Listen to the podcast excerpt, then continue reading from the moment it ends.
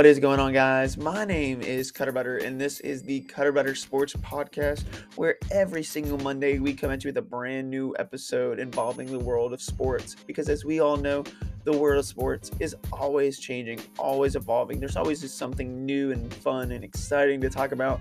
And so that's why today I'm going to take the opportunity to talk about Major League Soccer and the rise it has had in the United States and Canada over the recent decade. But before we get into the episode, I need to thank our sponsor for the show. That is Anchor FM. Guys, if you want to find a free and easy to use podcasting software, then look no further than to Anchor FM. They are a very easy to use, free podcasting recording service. You can edit, you can add music, you can do a lot of things, and it's a very, very easy app and website to use. So try out Anchor today. All right, guys. So Major League Soccer is the newest and biggest thing on the market. No, not really. It's 27 years old. It's it's not a baby anymore. But Major League Soccer over the last decade has just grown so just so fast and just amazingly, I cannot believe that it's actually now bigger than the NHL and people under the ages of 30. It is just taken the United States and Canada by storm.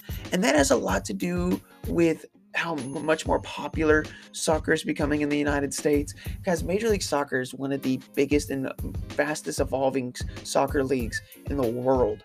It was created back in 1996, and when it was first made, it was a, a, almost a marketing scheme employee to get the United States a host bid for the 1994 World Cup, and it worked. It worked. The United States sold out every single game at the 1994 World Cup, and still today has the best attended World Cup of all time. Now, when the league was built and created, there was only eight teams which out of those eight teams, only six survived. But those six today are surviving and they are surviving well. And they are very, very efficient businesses. And their teams aren't too bad either. Guys, it's crazy that a league that was created so recently, which compared to the other leagues, it is very recent, has just stuck around and, and as of late has become such a, a big factor in the soccer world. I know a lot, a lot of people in the United States are big soccer fans. I'm very well aware of this. But if you asked 10 people 10 years ago, are you a fan of soccer? I guarantee you seven or eight of those would have said no. Now, if I asked that same question, I would put money down that at least half or more than half would say they're soccer fans to some extent. You guys, I, I can't can't fathom or I can't stress enough, I'm sorry, about how much different Major League Soccer is today versus it was 10, 20 years ago. It was notorious for being a farm league, a, a retirement league, just not a very good quality of soccer. Now you look at it today, and there are players of world class quality playing in the United States. Now, that's not to say it's the best soccer league out there, because then I would be lying to you. It's not. And what happens a lot is a lot of these young players, they get their start MLS and then they go overseas. But what's great about that is every major soccer league started that way.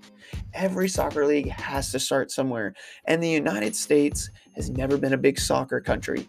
We, as a whole, are a big football, basketball, baseball, and in some parts, some parts, hockey.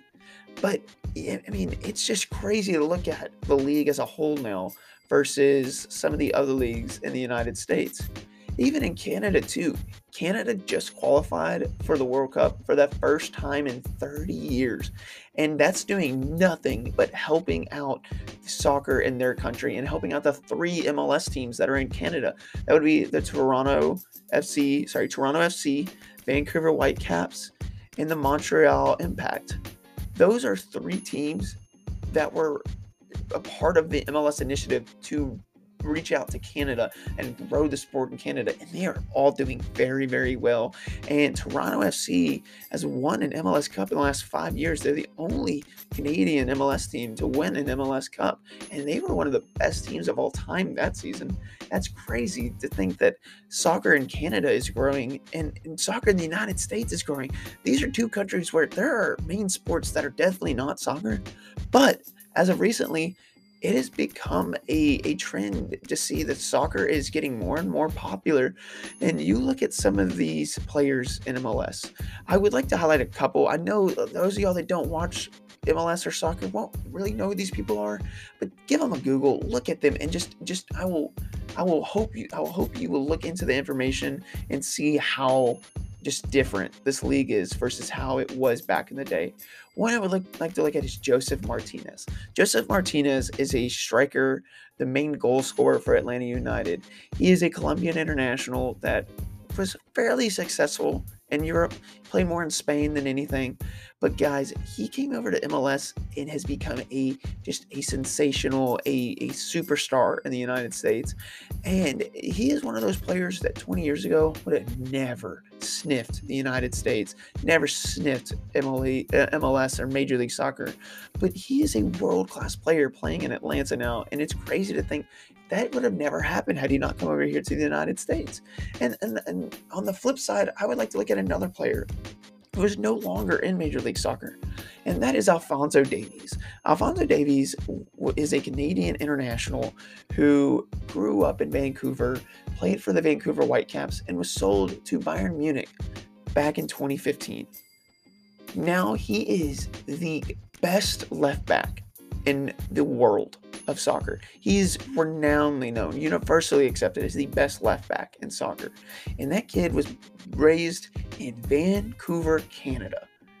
He is a product of what MLS has become, and that is a young, exciting sports league, and where he as a lot of other young talents are making a name for themselves in Major League Soccer and going and getting that bag over in Europe. And that's what we need because you're never going to be able to keep players for their entire career, especially at that age. But the more and more players that become the next Alphonso Davies or the Josef Martinez, the more and more your league will grow and the overall quality will grow.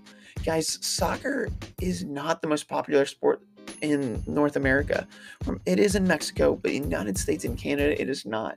And that's because it was never really given a chance. I mean, you just think about everything, uh, all the other sports where our best, best athletes play. And that's football, basketball, baseball, and sometimes hockey. Hockey is, is, is one of the sports that recently MLS has kind of started to surpass, but still, it's a very successful sports league. And so with Major League Soccer, as of late, they have really just gotten gotten adapted to who their fan base is, who their regular fans are, and building off that because that's the only way you're going to grow is if you have that core fan base. If you look at some teams that are very successful when it comes to fan bases, um, Sporting Kansas City, I'm a I'm a Sporting Kansas City fan. I'm very biased, but guys, they were the Kansas City Wizards for a long time in their career, and they did a huge overhaul, huge rebrand. Now they are a model franchise in MLS. They sell every game, world class facilities, world class atmosphere, fan base, just all of the above. I mean, Atlanta, Seattle, LA. LA has two teams now, and they are just uber successful. And they have just built this fan base. MLS itself has built this fan base that is very die-hard. And to have a successful sports league, you need to have that die-hard fan base. If you don't have that, you have nothing. And so that's where MLS struggled early on is they weren't really holding on to these fans. They were having a lot more casual, let's go to the weekend game, let's just, you know, sit back and relax and watch these teams tie. That's not the case. Major League Soccer is serious business now, and it is one of the top contributing leagues in the world when it comes to international talent.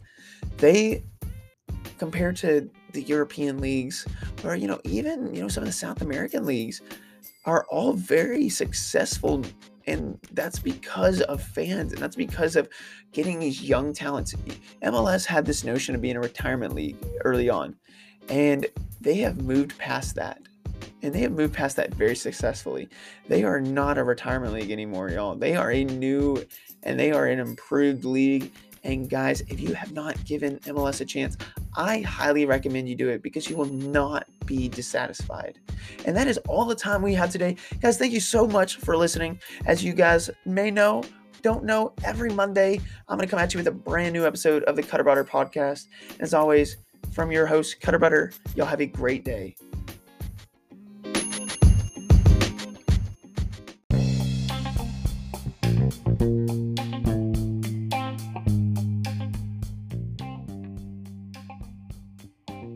And that is all the time we have for today. I just want to thank y'all for tuning in to the Cutter Butter Sports Podcast brought to you by Anchor FM.